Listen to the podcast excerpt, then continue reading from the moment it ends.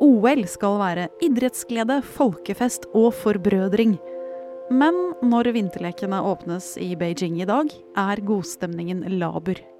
Dette ser ut til å bli det mest politiske OL siden eh, Hitlers OL i Berlin i 1936.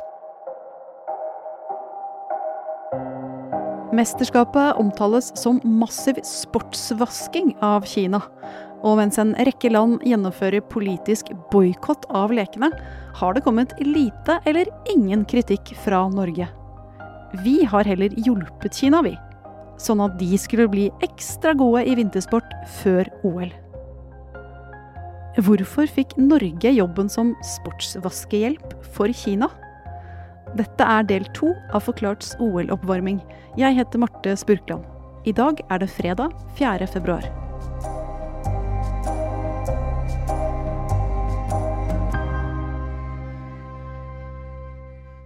Før vi går i gang, i denne episoden får du dessverre høre lite om idrettsglede, medaljehåp og den svært aktuelle omikronfaren som truer OL-drømmene. Vil du høre mer om dette, kan du sjekke episoden vi la ut for akkurat en uke siden. Men nå skal det handle om storpolitikk. OL skal jo egentlig være en enorm idrettsfest, men denne gangen henger eh, veldig alvorlige menneskerettighetsspørsmål over stjernene. Aftenpostens sportskommentator Daniel Rød Johansen har gått inn i idrettsåret 2022 med blandede følelser. Idrettsåret 2022 vil eh, gå inn i historiebøkene som et eh, skrekkens idrettsår. Først er det OL i Beijing, med alle menneskerettighetsproblemene som henger over det mesterskapet. Og på tampen av året er det fotball-VM i Qatar, der spesielt behandlingen av migrantarbeidere har eh, møtt stor kritikk. Eh, og begge disse mesterskapene er eh, gode eksempler på eh, sportsvasking som blir stadig mer utbredt. Da Oslo høsten 2014 trakk søknaden om å bli vertsby for vinter-OL 2022, sto bare Almaty i Kasakhstan og Beijing i Kina igjen. Og det ble altså Beijing som gikk av med seieren.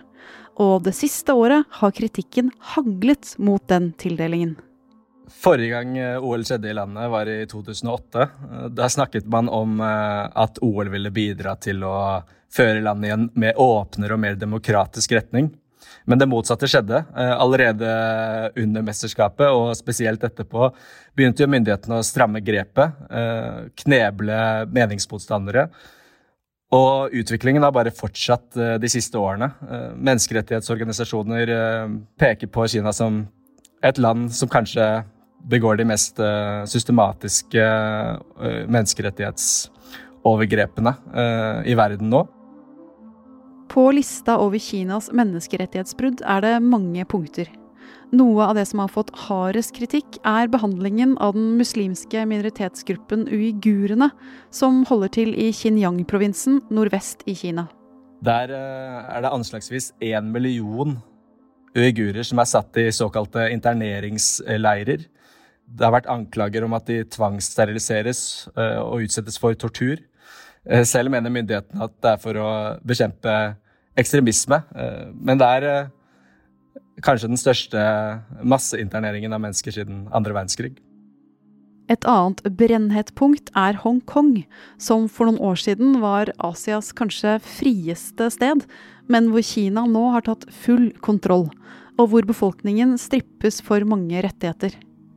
Og så er det punktet Kina selv, da. Som heller ikke er det beste stedet for ytringsfrihet og kritikk. Landet har i tre år på rad vært uh, det som fengsler flest journalister, for å ta et eksempel. Og med alle disse områdene som ikke er bra i Kina, hva er det sportsvasking kan utrette? Hensikten med sportsvasking er å dra oppmerksomheten vekk fra overgrep, menneskerettighetsbrudd og lignende, og over til idrettsøyeblikk og idrettsfest. Det skjer på litt ulike måter i ulike land. Eh, når vi snakker om eh, Qatar, f.eks., så handler det veldig om å tiltrekke seg internasjonale investorer. Når det gjelder eh, disse lekene, så vil det for myndighetene handle om å vise styrke internasjonalt. Eh, befeste den posisjonen de som OL i 2008 bidro til å bygge opp. Og så handler det ikke minst om å vise, vise landets fortreffelighet og myndighetenes fortreffelighet overfor egen befolkning. Så for folk som følger idrett på TV, så får man et uh, mer positivt bilde etter at du har sett store øyeblikk fra land som Qatar eller Kina? Det handler om at uh, når du tenker Qatar, så skal du tenke på Lionel Messi og ikke behandlingen av migrantarbeidere. Og når du tenker på Kina, så skal du tenke på Johannes Høstflot Klæbo og andre idrettsstjerner og ikke behandlingen av uigurene. I oppvarmingen til årets vinter-OL har menneskerettighetsorganisasjoner verden over krevd at lekene burde boikottes. Som den gangen i Moskva i 1980, da 63 nasjoner lot være å sende sine utøvere til mesterskapet i protest mot Sovjetunionens invasjon av Afghanistan. Men så ble det ikke noen idrettsboikott av OL i Beijing. Det ble i stedet en diplomatisk boikott. Og det betyr at uh, utøverne fortsatt sendes til uh, landet, men at politikerne holder seg hjemme og ikke sitter på tribunene og heier. Men Daniel, det kommer jo ikke til å være folk på tribunene i Beijing nå uansett pga. pandemien. Så er denne diplomatiske boikotten noe Kina er veldig eh, lei seg for? Myndighetene svarer iallfall på alle typer angrep med kraftige motangrep. Eh, men eh, sånn sett kan man jo si at eh, pandemien kom på et godt tidspunkt for myndighetene. Men den diplomatiske boikotten, eller politiske boikotten, den er jo ikke Norge med på?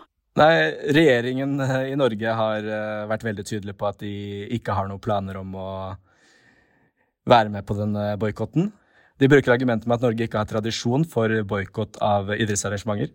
Eh, men så kan man jo si at eh, det heller ikke er tradisjon for, eh, for mesterskap i et land som er koblet til så grove menneskerettighetsbrudd. Norske politikere risikerer å bli brikker i det kinesiske spillet. Og det har også norsk idrett blitt. Kanskje kan til og med ditt kjøp av helt vanlige flakslodd ha bidratt til Kinas prestasjoner i OL.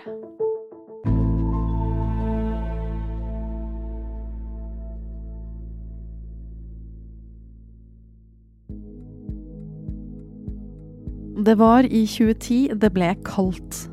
Da ga den norske Nobelkomiteen fredsprisen til den kinesiske regimekritikeren Lu Xiaobo.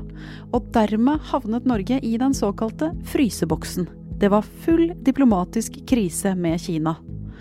Og forrige uke fortalte NRK Brennpunkt historien om hvordan Erna Solbergs regjering i 2017 inngikk en avtale med Kina som bl.a. innebar at rundt 60 norske skieksperter skulle hjelpe kinesiske utøvere å bli gode på vintersport før OL.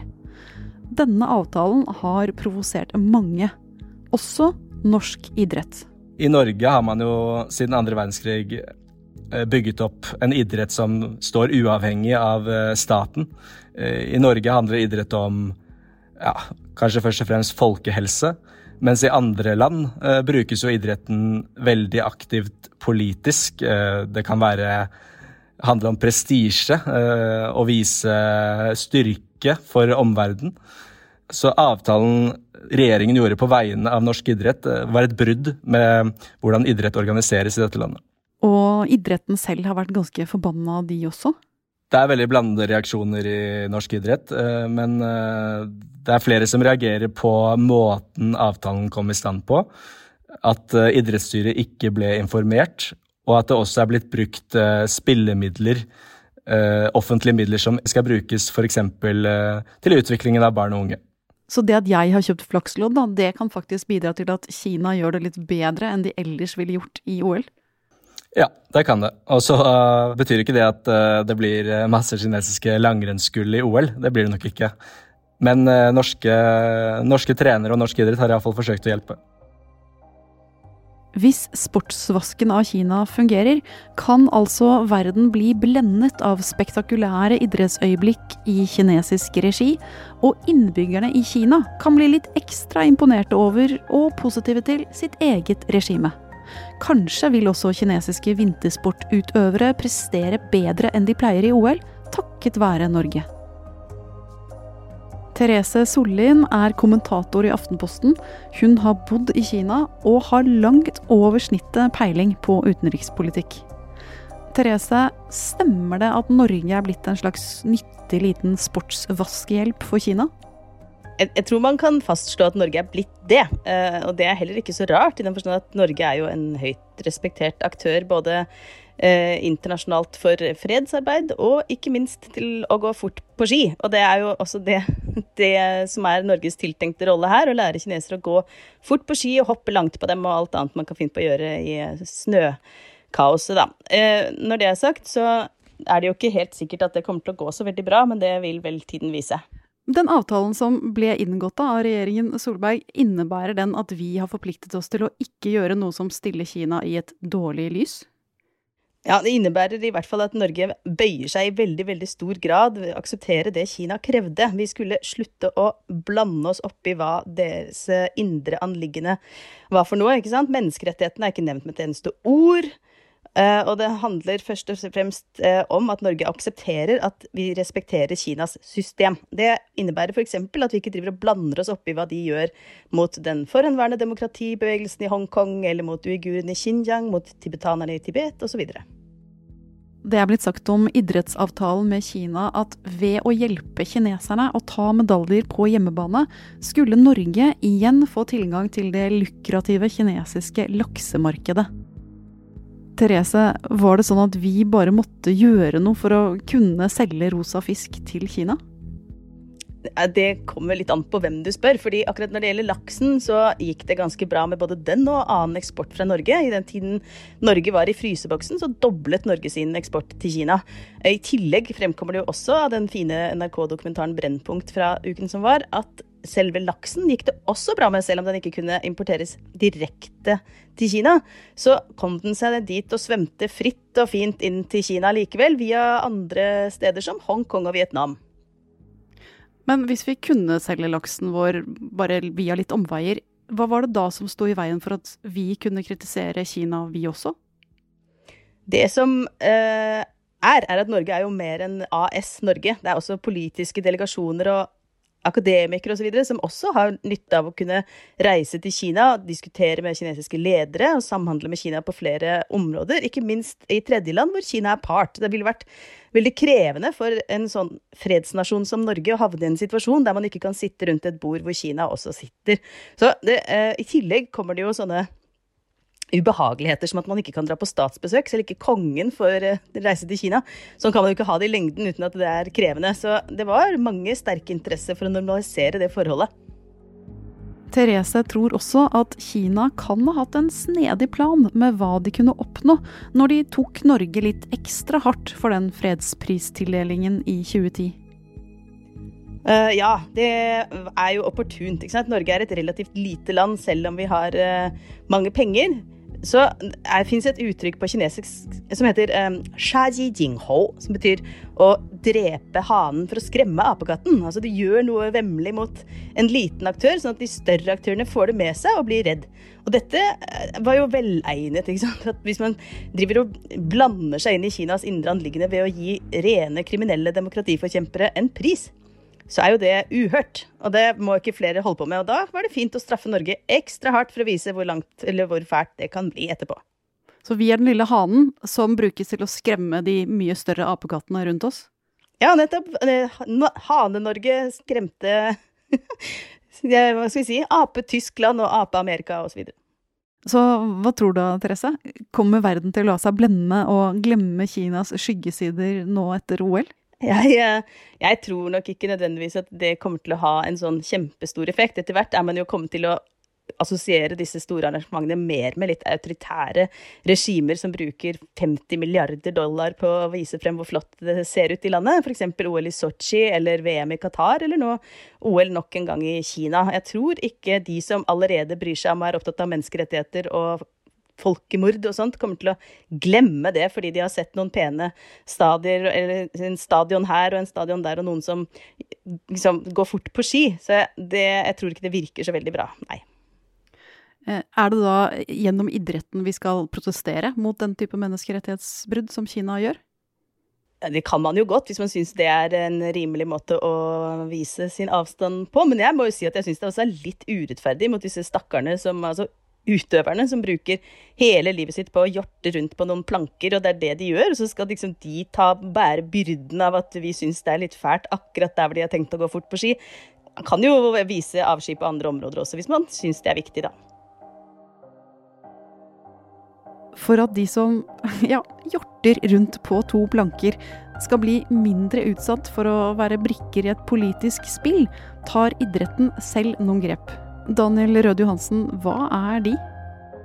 De internasjonale idrettstoppene har jo erkjent at det er et problem at uh, mange OL havner i autoritære regimer. I en lang periode var det jo veldig mange land som ikke var interessert i å søke om OL, uh, f.eks. Norge. Og de har gjort noen grep. De har f.eks. Bakt inn menneskerettigheter som et av kriteriene eh, når land skal søke om å få arrangere OL. Det står iallfall på papiret, og så får vi jo se eh, i hvilken grad disse kriteriene vektlegges i praksis. Eh, det vil fremtiden vise. Hva skal vi andre gjøre da? Skal vi bare prøve å glemme at det foregår et OL og ikke følge med denne gangen? Norge kommer til å sope inn gullmedaljer, og de øyeblikkene tenker jeg at det er greit å nyte. Samtidig har både de som reiser ned av trenere og utøvere, oss i pressen og alle som ser på, et ansvar for å ikke glemme den vondere fortellingen som henger over dette mesterskapet. Den må ikke begraves under vekten av norske gull.